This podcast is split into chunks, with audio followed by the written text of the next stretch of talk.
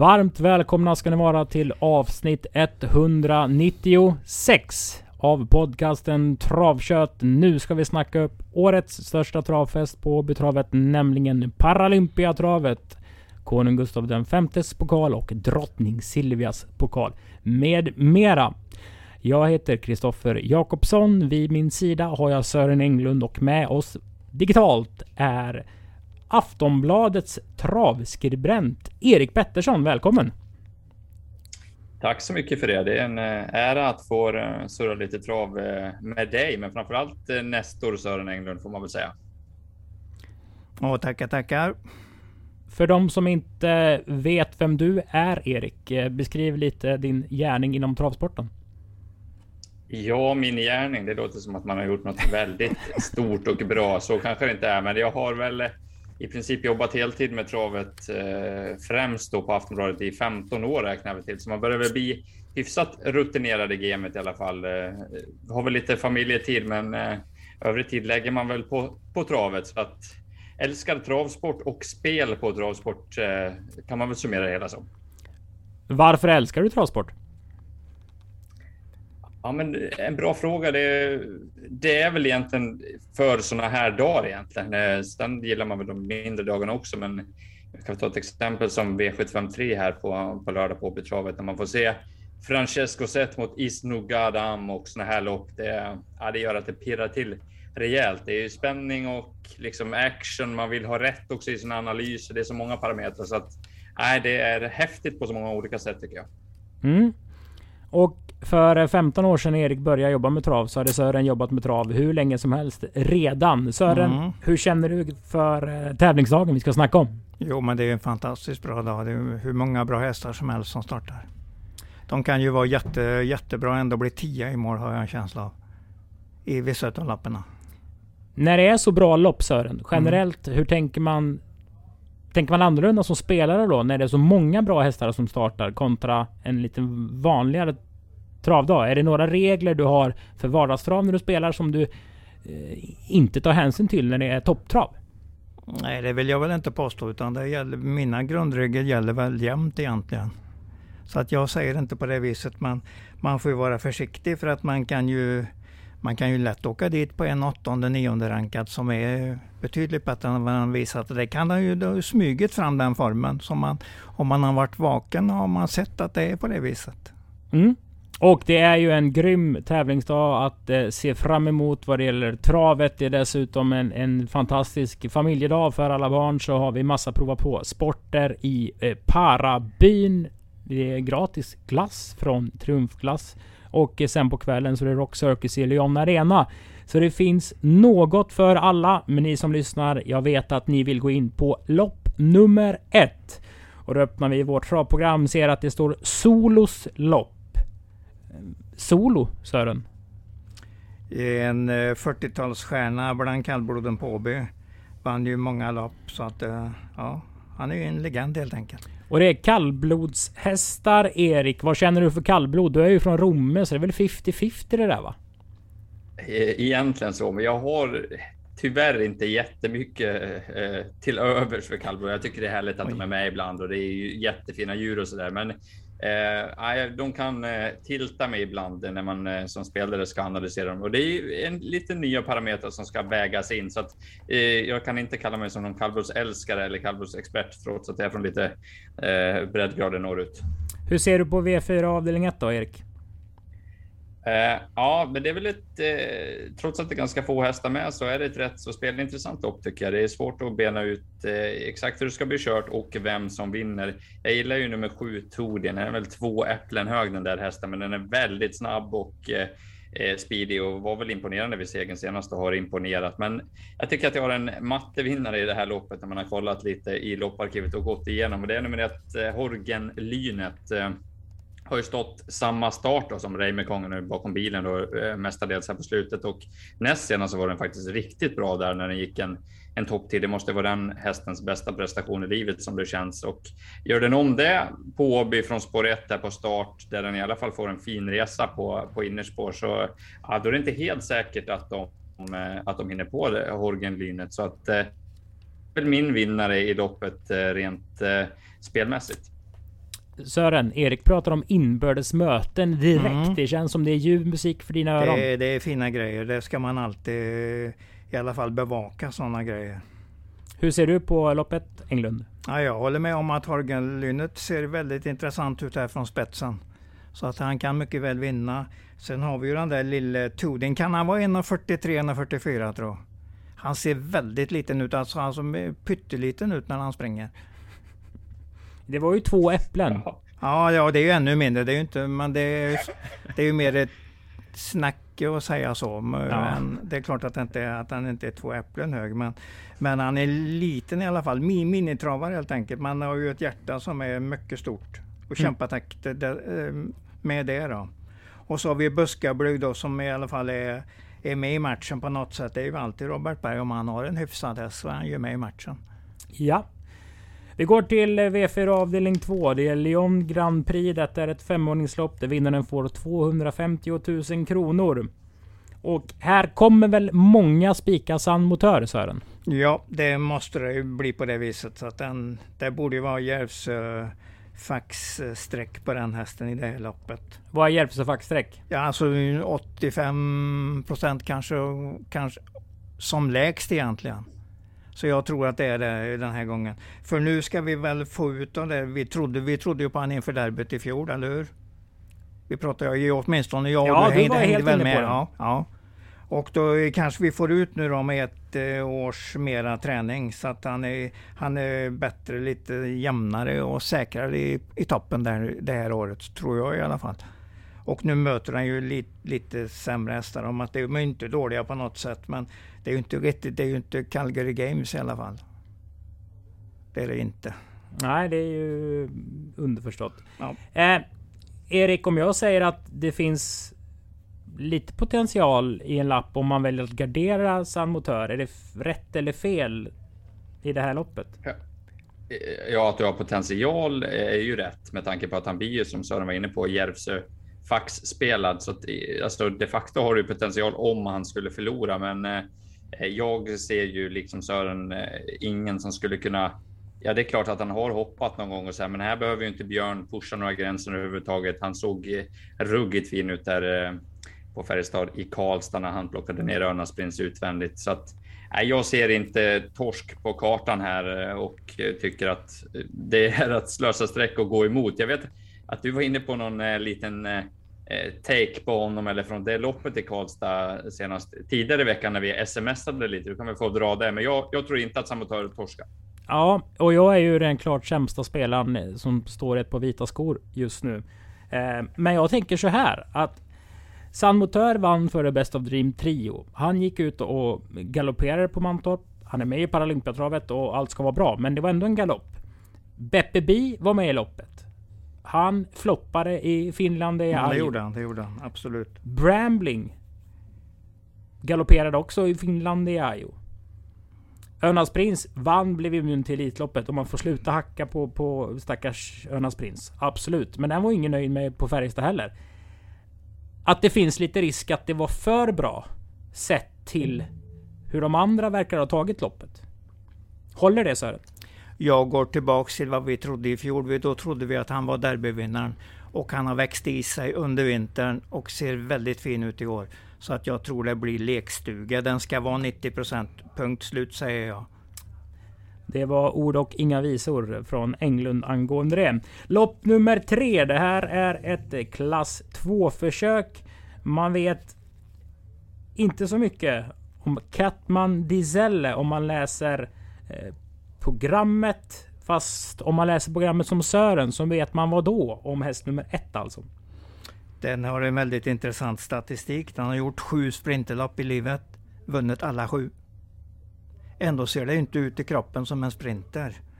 Så att jag, jag tycker det verkar vara en mycket intressant häst. På 2-1 har den sex starter, en seger. Och på 2-7 på, på vänstern har den en oplacerad eller diskad. Så att det, den har ju sprinterstatistiken med sig. Men den stod bara i sex gånger på starten när den gjorde på Vincennes. Mm. Det säger ju någonting för fransmännen brukar vara rätt så patriotiska. Och här pratar jag ju emot min häst. Det är ju 11 Leroy Bocco. Mm. Som jag och Sören har stirrat oss blinda på Erik. Eh, för vi har sett den live. Vad har du fått för intryck av Leroy Bocco när du har sett den på distans? Ja, men det är ju en, eh, en häst man faller för. Det verkar ha alla kvaliteter för att den eh, ja, men ska kunna gå en bit upp i klasserna. Jag vet också att Lugaur gillar Leroy Bocco. Eh, spåret är ju inte kul här nu på lördag, men det är ju garanterat en häst som har kapacitet för att gå runt det här gänget. Det känns som att det är lite skiktat det här loppet så att eh, ja, det är några som är bättre än de andra helt enkelt. Så att det är klart Leroy Bocco kan vinna. Tycker nog kanske inte att den ska vara favorit från bakspåren då. Vem ska vara favorit Sören? Ja, kanske med den här statistiken att eh, Luga ska vara, förlåt, Gocciadoro ska vara favorit. För att den har ju ändå inte förlorat 1600. Men jag vill säga att han har haft spår 1 en gång och då var han fyra in i första sväng. Så att det, det kan vara lite lurigt här.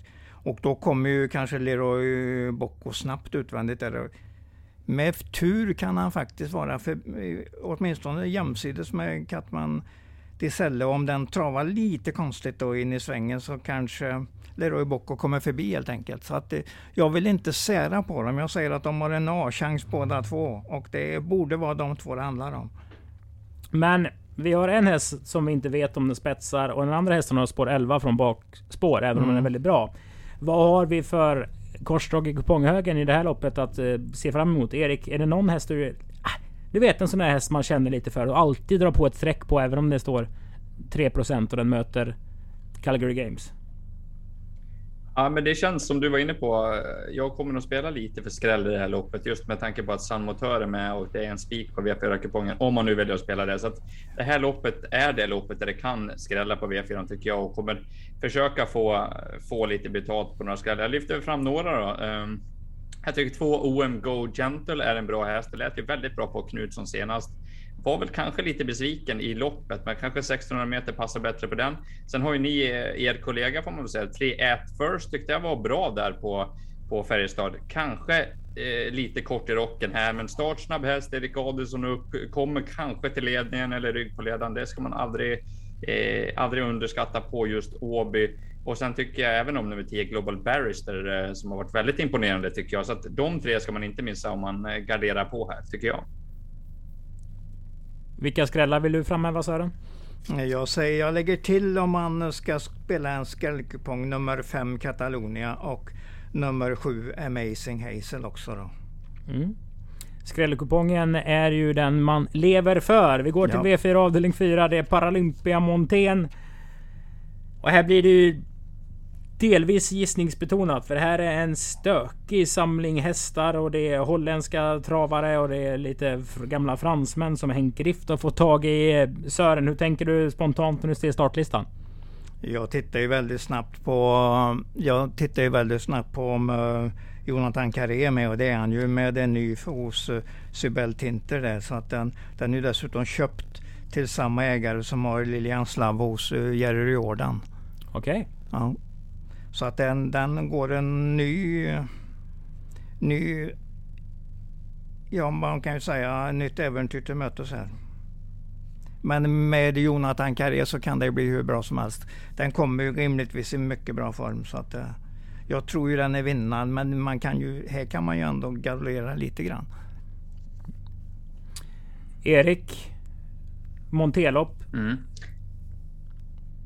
Ja, eh, jag håller med Sören. Jag tror faktiskt att två Best of Bourbon blir otroligt svårslagna i det här loppet. Det är inte kort distans. Eh, det är 2-1 och det tror jag passar lite bättre också. Har ju gått 12 och 4, 2 och 7 på Vincennes och varit ute mot de bästa montéhästarna egentligen i Frankrike.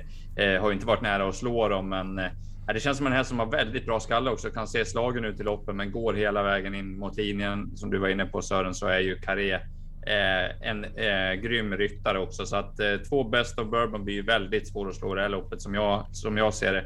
Ser på spelet att nummer fyra Boston Terrier, andra handare just nu, tyckte den var lite seg eh, på på Jägersro och att den ska slå nummer två Best of Bourbon. Det ser jag nästan som osannolikt så att det eh, är nog en bra, bra chans där. Mm.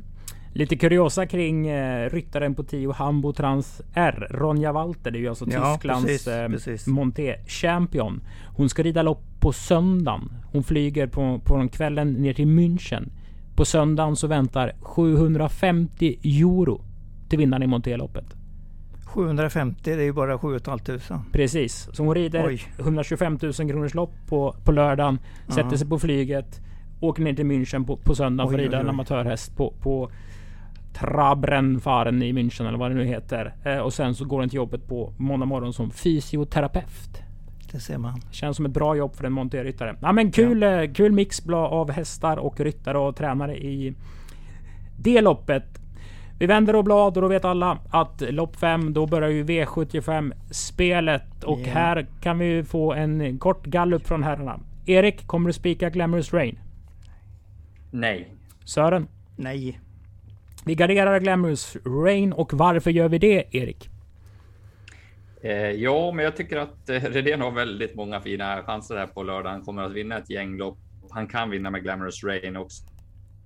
Eh, som det ser ut så, så tror jag att vi kan fälla Glamorous Rain den här gången. Det är, det är några riktigt bra ston emot och det kan bli kört på ett sätt som, eh, som gör att hon kan eh, falla Glamorous Rain. Eh, det kommer lyftas fram lite hästar som tre Sheba Mill och fyra Deborah Essie av, av er. Det är jag ganska övertygad om. Men som jag läser loppet så är det fem good vibes som spetsar eh, från perfekt spår bakom bilen och eh, jag är inne på att om Adrian Collinio är lite på från starten med nummer eh, sex A Perfect Face så kanske han kan ta sig förbi dem invändigt där och vara den som övertar ledningen och med lite lättning i balansen där och Adrian låter väldigt, väldigt nöjd så tror jag att A Perfect Face ska räknas tidigt i det här loppet.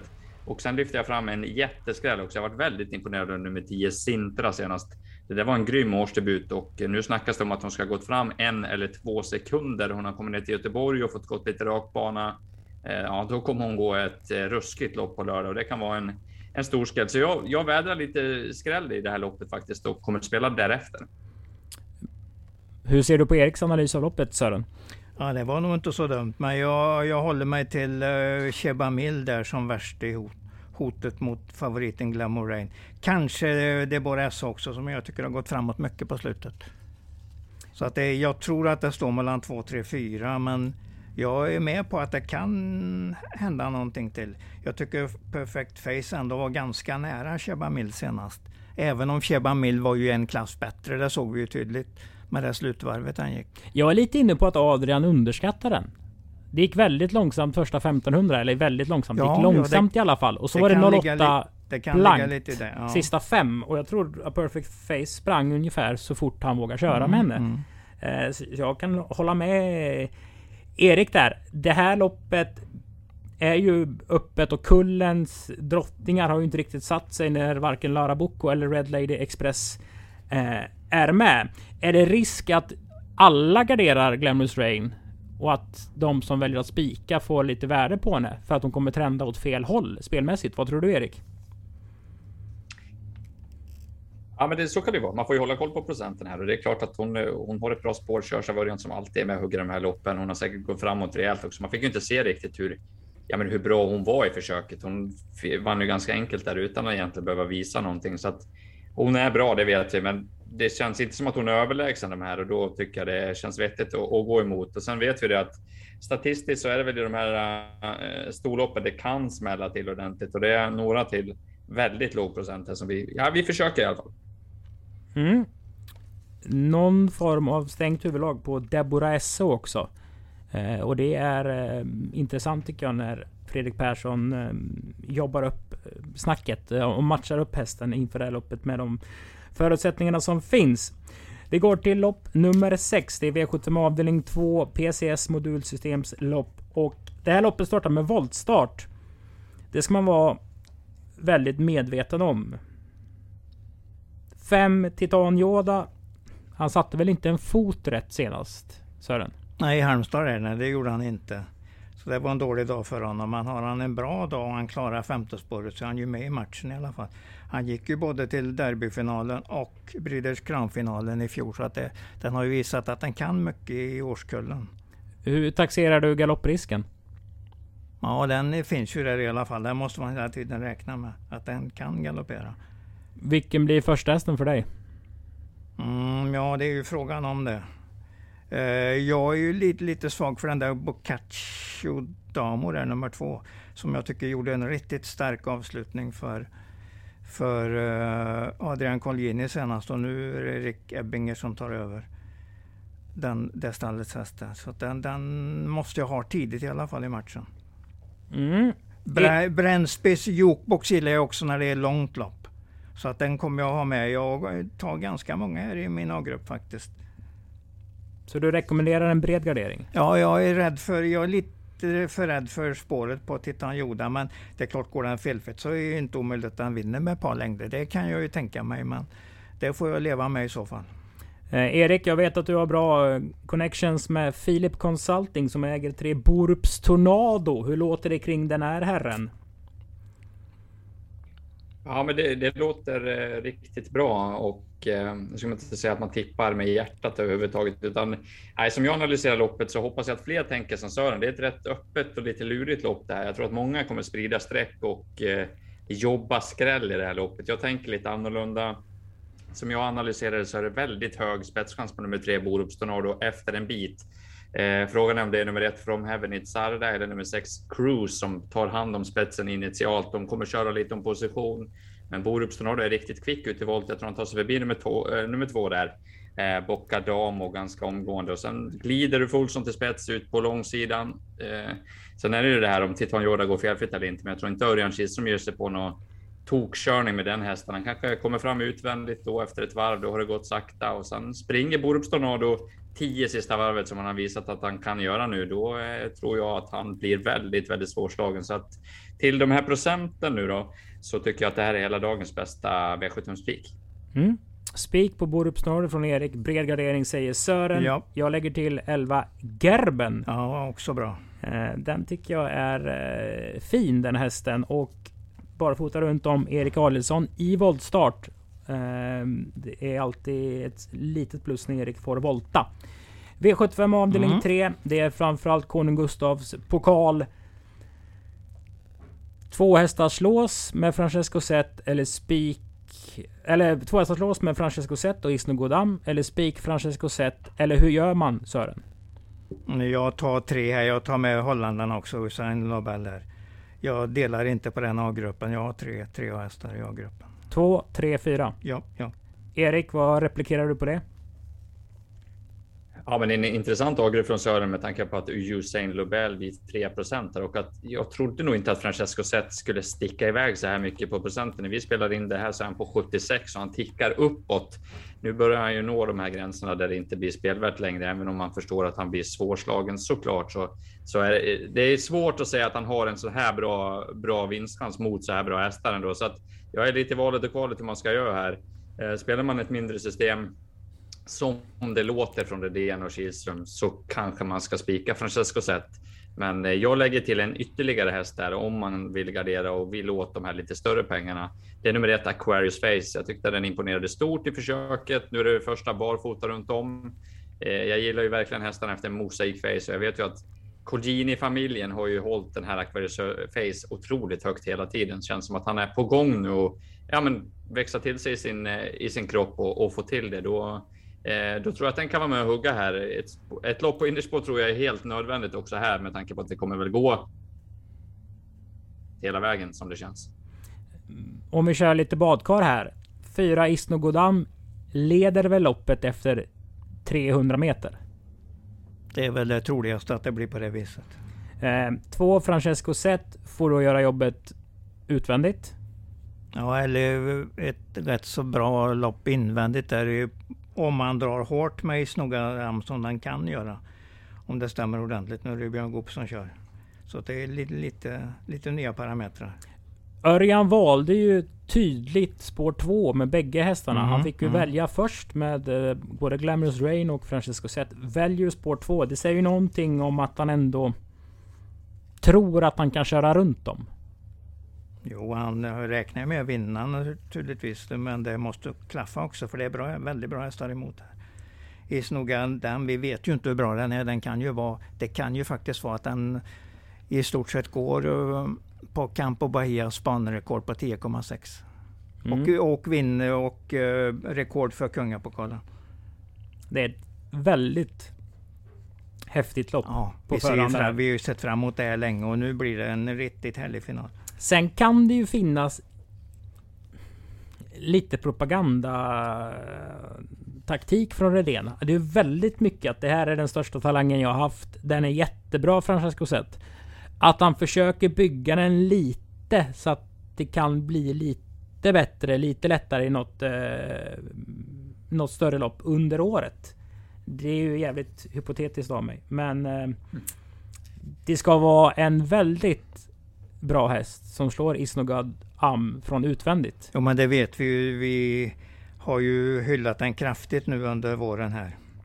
När han har varit på och lekt till segrarna. Ja absolut. Men vi hade Honey Miraz i dödens på 50 cent piece förra året. Eh, och då var ju Honey Miraz favorit i Drottning Silvias. Det är inte bara bara.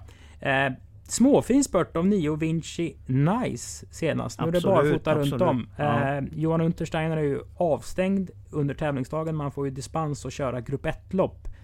Eh, tror han kan vara riktigt laddad för det här. Och ja, De Plats. kan, nog, de kan nog vara långt framme med den. 3-4 kanske.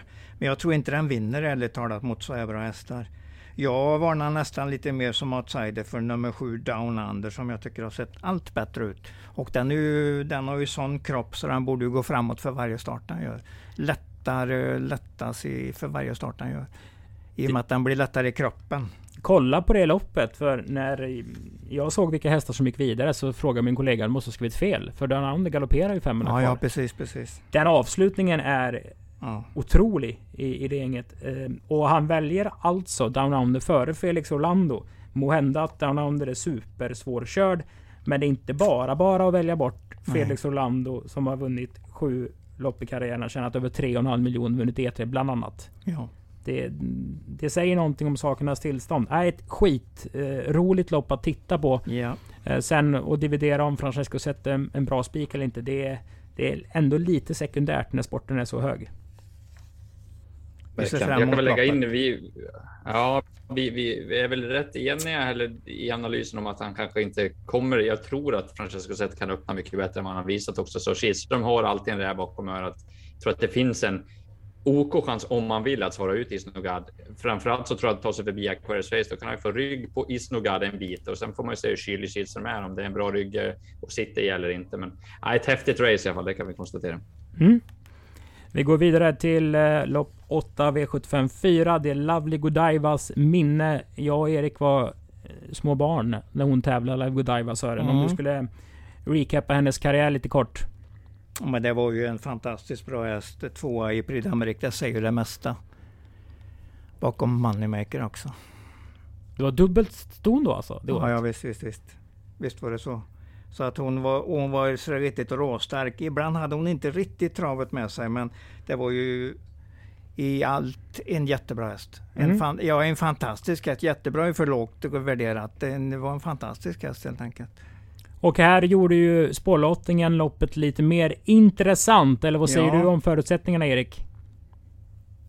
Ja, men verkligen att eh, de två bästa hästarna får man väl ändå kalla dem då. 11 Kali Smart och eh, 12 Honey fick just de här spåren gör ju att ja, det är lite rörigt här och att det kan hända någonting. Eh, sen ska ju Carly Smart då såg ju väldigt fin ut där i Seinejoki, men galoppen oroar väl lite grann och nu är det skor på. Det, det är väl inga plus i alla fall så att ehm, Ja, nej, det, det gör väl att de där framme kan få lite blodad tand. Jag har hört att eh, Niklas Robertsson är ju väldigt påstämd med nummer två, Betting Pacer och kanske han ska vara också. Fick ju regelrätt stryk av Honey Mraz i Karlstad, men ska väl vara bättre nu. Han har väl inte druckit riktigt då Betting Pacer och där låter det som att de ska i alla fall vill köra ledningen eller vara där framme i alla fall. Så att den ska väl räknas igen. Jag var faktiskt lite inne på den där i, i Karlstad, men eh, här man får ju följa spelprocenten här också såklart. 12 Honey Mraz är svår att slå. Om Kalle Smart då ska gå med skor så ja, jag kanske spikar på någon lapp om procenten tickar ner lite mer. Jag tycker att hon är ett huvud högre än de här, men ja, pass på om inte någon annan kan slinka in via stretchen och slå henne kanske den här gången. Ställde liksom inte Honey Miraz lite skåp senast? I alla fall mot Betting Pacer. Åker runt om årsdebut. Ja, ju- för mig är det ju en betydligt bättre häst. Han är meras alltså. Ja, sen får det maxas eh, Ja. vad som går från Betting Pacer. och Jag tar, fram, jag tar fram nummer 6 Global Breed to Win som eh, den farliga outsidern i loppet. Jag tar hellre den än någon annan om jag garderar 11 och 12. Han kan få en bra dag, Magnus Ejen Gundersen. Absolut, de har jättefina hästar så att det, visst kan det bli så. Hur... Sayonara också har ju stärkt sig med Frankrike-starterna där. Eh, Erik, är Kalle Smart ens ditt andra streck i loppet? Ja, man får höra lite med Adrian, han verkligen följer så att det blir skor. Blir det skor på? Han lät lite low på henne här nu och så galoppen. Så att nej, det, det, är väl inte det. Jag, jag köper Sörens varningar där också och ska man gardera vidare så låter det väl även bra på fyra Chablis Rib som är en speedy, speedy häst och Magnus och Ljuse där är ju intressant. Men Ja, men Hanni Menas är huvudet högre och har hon gått framåt också då det, och det liksom löser sig här så är väl hon den naturliga vinnaren trots spåret ändå. Det, det är känslan. Jag tycker man kan eh, kolla sto-SM i höstas. Mm, mm. Synintrycket på Hanni Menas sista oh ja, oh fem. Det, det har jag med mig. Jag tror hon går runt det här gänget och då ja. vänder vi blad till V75 avdelning 5. BMW Bilias lopp. Det här är ju kul för Förra veckan Sören så ställde du och applådera för Charlie Brown FE. Då hade vi inte sett hästen. Nu har vi Nej. sett hästen. Ja, ja, ehm, men... Och nu gör jag likadant. Jag tycker den verkar fantastiskt bra. Du applåderar igen ja. ja. Hur ställer du dig Erik kring två Charlie Brown FE mot ja, vårens kulthäst Il Forte? Det är ju det närmaste en sån här BBS Sugarlight förvandling vi har kommit nu i två, tre starter. Mm. Ja, det är otroligt svårt att svara på den frågan med tanke på att det har varit lopp på olika breddgrader man har gått. Vi fick ju se Charlie Brown FF senast och jag håller med Sören. Det var ju så att man nästan spontant applåderade lite här, eh, här hemma i soffan när man såg det också. Otroligt läcker häst alltså. Jag har kollat upp den lite i Frankrike innan där och såg att det var en kapabel herre det här, men ja, han gav ett väldigt fint intryck. Eh, Charlie Brown FF, men tror inte att jag kommer spika på lördag. Just till Forte jag tror att jag försöker rata den en gång till. Jag trodde inte alls på den i finalen när den gjorde om ett sånt där kanonlopp igen. Eh, vad är formen nu? Har varit ifrån lite grann? Nej, jag, jag tycker att den blir alldeles för hårt spelad. Det är tuffare hästar nu också mot El Forte, så jag har ingen känsla för att den rusar undan igen. Det, nej, då får den överraska mig en gång till. Så att Charlie Brown F ska vara etta i loppet på det där intrycket, absolut. Eh, ska man ha någon bakom så var jag helt inne på Napoleon Cash i lördags. Lite besviken. Men när man klockar om och kör lite på Nurmos och så vidare, nu är det barfota runt om, han är snabb ut. Skulle han kunna komma ner bakom Idforte någonstans och åka med på innerspår så vågar jag inte rata den. Och sen tycker jag det är lite intressant på fyra Rare Magic också. Ljusa upp, lillpojken där, barfota runt om och bike. Inte lika bra häst som de här, men skulle kunna komma ner till plankan och då, då vet vi vad som kan ske på Åbytravet. Kommer du spika Charlie Brown FSR? Ja, det kommer jag nog ganska säkert att göra. Jag varnar även för att den där nummer sju, Bon Nui B, är väldigt snabb i benen så att den kanske bara blåser förbi den här. Det är inte säkert att Il Forte hinner svara den hästen. Från start? Ja, ja den är sådär riktigt snabb. Har du kollat den Erik i lopparkivet? Bon ja, absolut. Absolut, jag håller med dig. Det, Jäklar vilken snabb häst. Ja. ja. verkligen. Så att, uh, kommer gå först så eh, favoritscenariot är väl att han kanske släpper då, men det är inte säkert att han vill ha Il Forte. Man vet ju inte. Det nej, nej. är lite lurigt. Men huvudsaken är ju att Charlie Brown FE vinner loppet. För mig i alla fall. hur jag än räknar och hur jag kör i badkaret så tror jag ju den vinner nummer två. Hur ser du på att han bryter ut lite på upploppet? Det gjorde han på Vincennes också. Då får man ju bryta ut mycket. Det är väl ett litet aber ifall det skulle bli tätt i en slutstrid här. Men han går så starkt liksom. Han har stark kropp, det syns ju tydligt. Så jag mm. går med på det intrycket på hur fin han ser ut i kroppen. Och det kan helt enkelt bli bättre för varje start. Jag är inte så rädd för det. Nej. Rick Ebbinger är också en mycket bra kusk. Ja men på det. Vi går till V75 avdelning 6. Det är Wookies ja. lopp. Detta är ett silver, silverförsök. Lite skiktat är ju tufft att säga, men det finns ju sådana toppar här i framförallt 5 Oscar Ella mot 6 Unico Broline. Eh, hur ser du på duellen som blir mellan de här Sören? Vi ska säga dig att det är skor bak anmält på Unico Broline. Den är ju inkvalad till finalerna på Solvalla om tre veckor. Ja, just det. Oscar L eh, ja, är ju min favorit här. Men jag tar även fram Rackham här som jag tror kommer rätt snart nu med sån där riktigt bra prestation. Så att jag kan nästan lika gärna ta den mot Oskar Oscarella som Unique Bowline. Som du säger då kanske att man är lite, sådär, lite försiktig inför den finalen som den ska gå. Men Unique Broline, jag säger inget negativt om den. Den är, den är nästan hur bra som helst för dem. Men jag säger, ja, alltså femman är för mig en klar första Oscarella. Och sen går jag lika gärna på Rackham som andra och väljer bort Unique Broline som kanske tredje då. Räcker det att Unico Brolan är 95% av sin hysteriska form för att vinna Erik? Eller hur ser du på loppet? Jag tycker han har varit sjukt bra, Unico Brolan. Det måste man faktiskt säga. Det var ju en, en hemsk tid där på Rommetravet senast också. Som Rom är väl inte känd för att vara den snabbaste banan heller. Att gå 10 och 9 full väg där. Det, ja, det var imponerande. Men ja, kanske, kanske inte räcker med 95 procent. Det beror ju lite på hur loppet blir kört och han kommer väl inte förbi Oscar L från början. Jag har svårt att se det i alla fall. Um, lite lurigt på hur Erik ska lägga upp där. Eh, för det blir lite maskin från det här spåret oavsett vad han väljer att göra med tanke på att de är rätt startsnabba invändigt och ta upp härifrån. Då hamnar man ju sist också. Det ger man ju upp så att han kanske försöker trycka av för att försöka komma ner någonstans och eh, skulle han komma ner på innerspår så är det klart att det är fördelaktigt. Men jag har lite svårt att se det så att eh, Unico känns faktiskt kall som favorit den här gången. Jag håller med Sören, det är tråkigt, men 10 Rackham till de här procenten nu. Vi har 7 procent. Jag var inne på att den skulle vinna senast. Vi bortglömd nu. Har ändå fått något upp i kroppen. Var dålig och var lite sjuk senast då, men eh, ruggigt vad den kan slugga sig sista 800 meterna. Har de då kört lite mot varandra framme så ja, då är inte jag alls främmande för att Rackham står där som segrare till slut. De här procenten är det ju ett givet streck.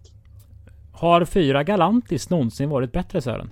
Nej, jag tror inte det. Och det är ju en mysig häst också. Väldigt mysig häst. Vinner mysiga hästar bra lopp? Alltså man kan ju ibland tro med hjärtat och lite för mycket. Jag tror inte den vinner det här, men jag säger inte att den är chanslös. För den är, den är som sagt så mysig så att det kan, den kan komma när de andra har kört färdigt. Men den modige människan spikar väl Oskar Ella om jag får lyssna rätt vad ni säger? Ja, den modige kanske tar ett dubbelstreck på Rackham istället för Unique Broline. Ett tvåhästarslås är väl sällan modigt? Bra spelteknik tycker jag ändå, för att det är så många som tycker precis som du där, att det, två hästar är dåligt, men jag tycker det är riktigt bra. Vad tycker du Erik? Eh, ja, men två hästar kan väl vara, kan väl vara bra. Det är inget snack om den saken. Och tar du då Oscarella och Rackham här och tar bort Unicobrodan så ser väl inte jag något fel i det. Um, jag, jag är nog inne på att Eh, man kan spika Rackham till och med om den håller sig på 7% till lördag. Jag har lite svårt att se det. Det borde ticka upp lite grann, men är den på 7% så har du betydligt mycket bättre chans än så i alla fall att vinna. Så att i längden så tror jag att det är ett, ett bra spelvärt singelsträck här.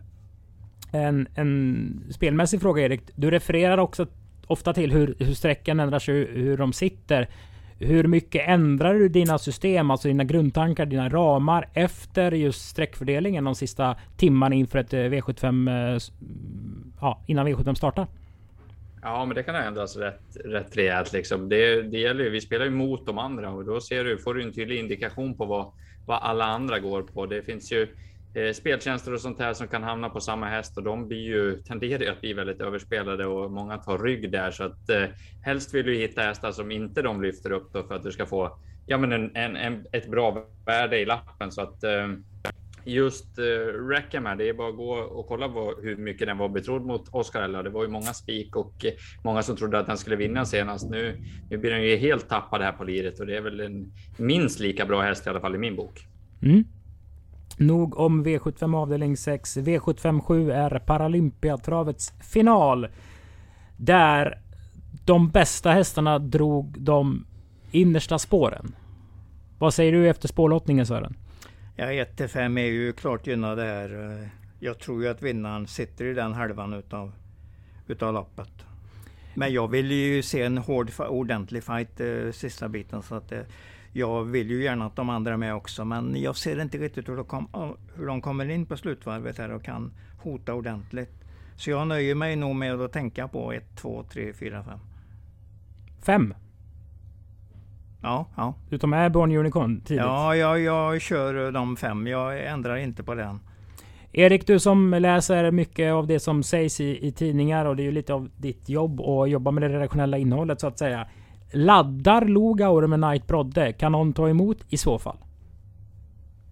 Uh, har väl inte riktigt fått eh, klart för mig hur han lägger upp det här. Jag tror att favoritscenariot är att han inte laddar. Uh, om någon kan ta emot så är det väl tveksamt kanske. Extreme är riktigt startsnabb. Skulle vara han då. Uh, Osu kan ju också öppna, men jag tror att Örjan tar det lite lugnt med den då med tanke på galoppen senast. Så att, eh, skulle kunna vara en faktor. Eh, Inget klartecken i hur han tänker, men han är ju rätt så offensivt lagd, den gode tysken. Finns det på kartan att... Det finns alltid på kartan. Men om Björn Goop spetsar med Extreme. Vem ska han släppa till i så fall och varför? För även om det finns open stretch på Åby så är det väl alltid skönast att springa ledningen Sören? Jo men det ska det väl vara. Men Åby har ju en speciell bana så att det gäller ju det gäller att sitta i de främre paren. Så att det, det kan ju vara bra att släppa någon bra där om man känner för precis hur det känns för dagen alltså. Så jag tror Björn lägger upp detta på ett perfekt sätt, det tror jag ju. Absolut, men om vi ser meritmässigt bakom Delia Dupomurö så är väl inte Extreme en, en sämre häst än varken Upstate Face eller Who's Who. Om vi då lägger till att Who's Who är två år äldre. Och då kan ju Björn få en tuff konkurrens på utsidan istället för ge den en fördelen att komma till innerspår. Ja, hur man än räknar tycker jag att Extreme har en rätt så bra chans här. Är det första hästen för dig? Ja, det är knappt första häst. Jag säger att 1 till 5 har hygglig chans allihopa. Så att, men eh, extrem, om jag chansar ordentligt på någon lapp så är det den som blir min U-häst i loppet. Jag vill ha lite rakare rör från dig Erik. Vad ger du mig då? Eh, fem Born Unicorn är min, eh, är min första häst i det här loppet. Jag tyckte det var ett makalöst fint intryck senast. Gått framåt med det här loppet också. Daniel låter ju lyrisk. Eh, Magnus har ljuset tror jag på i, i rätt stor utsträckning i den här omgången. Jag gillar han som kusk. Ehm, jag tror att Born faktiskt kan, kan chocka och vinna det här. Eller chocka kanske inte han gör om han vinner, men han kommer ju underifrån och är en dark horse som jag tror kommer leverera ett grymt lopp. Och skulle Magnus ha ljus, han har fått dem att öppna bra hästarna tidigare. Skulle han komma fram först utvändigt med Extreme? Jag är lite inne på att, eh, att Goop kan släppa då. Han körde ju Born uppe på Romme. Han vet också om att det är en häst som tål att gå i högt tempo hela vägen, kan ju dra fram honom hela vägen till upploppet då och eh, Extreme tror jag ska gå på rulle för att vara absolut bäst. Så att eh, eh, jag säger fem Born Unicorn till eh, den här spelprocenten och med tanke på intrycket senast. Sören tar fem på V7. Bägge är väl inne på att Born Unicorn är loppets Dark Horse lite grann? Absolut. Jag tycker den ser väldigt, väldigt bra ut. Och Romme-starten var ju helt lyrisk där. Sen kom ja. ju tredeliga Dupomurö med full form. Det var ju mm. en fin spurt bakom Etona och Vivid Vice ja. As nere på Onjens senast. David Toman vann ju via Open Stretch med Ivensong i EM för treåringar mm, i höstas. Ja. Han kan köra runt banan liksom och, och gett ett väldigt bra intryck när han har kört på mig i alla fall i, i Sverige.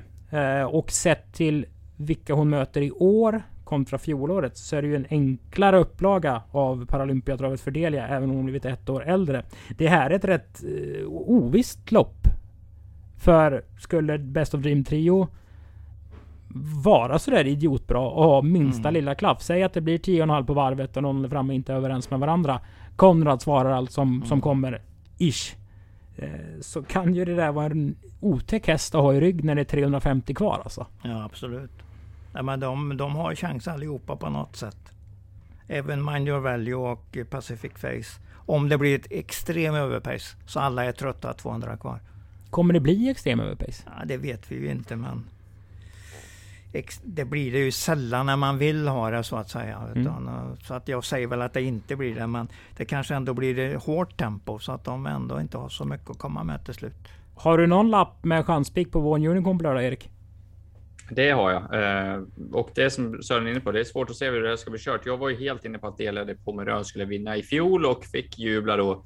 Har inte alls samma feeling för henne i år. Kan få ta på mig dumstruten, men jag, jag, jag tror inte att hon vinner loppet. Ja. Om vi sammanfattar V75-loppen som vi har snackat igenom så känns det som att Hanni Miraz kan vara en rätt spelvärd spik absolut. Mycket på grund av att han vann sto-SM. Det var ju mycket bra gjort som fyraåring där. Ja, den, eh, det köper jag att den kan vara.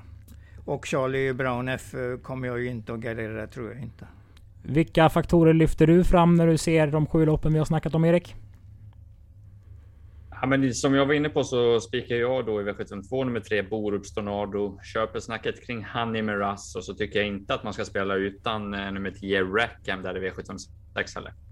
Nej. Och travkött är ju travkött. Så vi går igenom givetvis alla 12 loppen. Och det här loppet som vi ska prata om nu. Det är treåriga hästar som max har tjänat 300 000. Jag gillar ju hästar som inte har mött varandra. Eh, och när man ser det, Danmark, Italien, Danmark, USA, Schweiz, Frankrike och Sverige vart hästarna är uppfödda. Så blir man ju lillglad av det. Dessutom så är det tre Holy Go Lightly efter Västerbo Prestige. Mm. Och det är ju en kulthäst ja, eh, i alla fall på, på Åby. Eh, fyra Sunrise ska ju vara jättebra. Sören. Ja, inte ska, den är ju jättebra. Den är jättebra? Ja precis. Varför den ser, är den jättebra? Ser, ja men den ser ut som en häst ska göra. Det är en mycket fin stil på hästen. Så att, eh, och jag tror den bara har börjat med, med att gå bra i loppen helt enkelt. Så att eh, jag tror den kommer att göra kanonlopp. Den är nog en rätt säker vinnare i loppet. Håller du med om det Erik? Eh, tråkigt, men ja. Eh, har ju visat vad man i alla fall har kunnat hitta klart mest av de här. Men jag, jag köper ju också snacket att det är väldigt kul att se ja, men de här olika, olika flaggorna mot varandra. Ehm, hittar ni alla de här flaggorna så ni kan ha dem eh, viftande på betravet på lördag? Schweiz känns tveksamt spontant faktiskt om vi har den. Det är ju inte... Det är inget travland på det sättet. Nej. Karet CD vann ju Europaderbyt. Det gick ju i Schweiz för ja, en herrans okay, massa ja, år, visst, år sedan. Ja. De har ju en regel där att man inte får tillföra någon utrustning. Man får alltså inte dra ur bomull till exempel öronen. Allt måste liksom sitta intakt på hästen. det är ungefär det jag kan om, om travet i, i Schweiz. Men det kanske är värt ett besök. Härligt! Vilket, eh, vilket program vi har gått igenom. Eh, Sören, dina tre vinnare. Mm. Och medan Sören presenterar dem så kan du komma med tre vinklar Erik. Av olika dess slag. Om det är kuskar som är viktiga eller vad du vill. Tre punkter ska du ha i alla fall. Sören kommer presentera tre vinnarspel. Mm, jag säger att bäst av Bourbon i lopp två, där tror jag ju väldigt, förlåt i lopp fyra, tror jag väldigt mycket på. Och jag tar den där Sheba Mill för jag gillar den så mycket och jag tror att Rick Ebbing mycket väl kan vinna en av de här segrarna. Robin Backer? Robin Backer kör den, förlåt, förlåt. Ja. Den, eh, just, just det. Och så har jag ju min uh, nya idol, Charlie Brown F. så den, den säger jag att den kan ni spela på. Och Erik, vad har du för tre visdomsord att avsluta med? Ja, men jag säger ta med Magnus A. Djuse på, på eh, alla lappar och hållit extra koll på honom. Sen så ser vi väl alla fram emot V753. Kan det bli ett nytt eh, löpningsrekord i Kungapokalen? Jag tror det. Och eh, sen så eh, måste vi väl säga något om eh, Paralympiatravet också. Jag tror att Dark Horsen, Born Unicorn, eh, krossar dem i, i sista racet där. Mm. Och vi kan ju passa på och eh, säga det. Vill man lyssna mer på Erik så har du också en podd som snackar V75 varje fredag. Berätta lite om den och vart hittar man den? Precis, den hittar man då på Aftonbladets travsajt trav365.se. Det är jag och eh, handbollsstjärnan eh, med eh, Ja, med eh, dragning till Göteborg. Han spelar i Redbergslid eh, och är lagkapten där. Mario Lipovac. Vi surrar trav inför V6 och V75 varje vecka, så att eh, där kan man också lyssna på mina och Marios analyser. Mm. Och du är ju på väg ner hit dessutom, Erik. Ja, det ska bli mycket härligt. Åker neråt på fredagen här och får njuta av en en travhelg i toppklass och det ska bli fantastiskt roligt. Mm. Och vi hoppas att alla ni som lyssnar också kommer och njuter av en travhelg i toppklass här på Åbytravet. Ni har lyssnat på Travkött avsnitt 196. Vi har snackat upp Paralympiatravets final och mycket annat gott. Varmt välkomna på lördag. Vi hörs och vi syns. Tack för att ni har lyssnat. Hej då!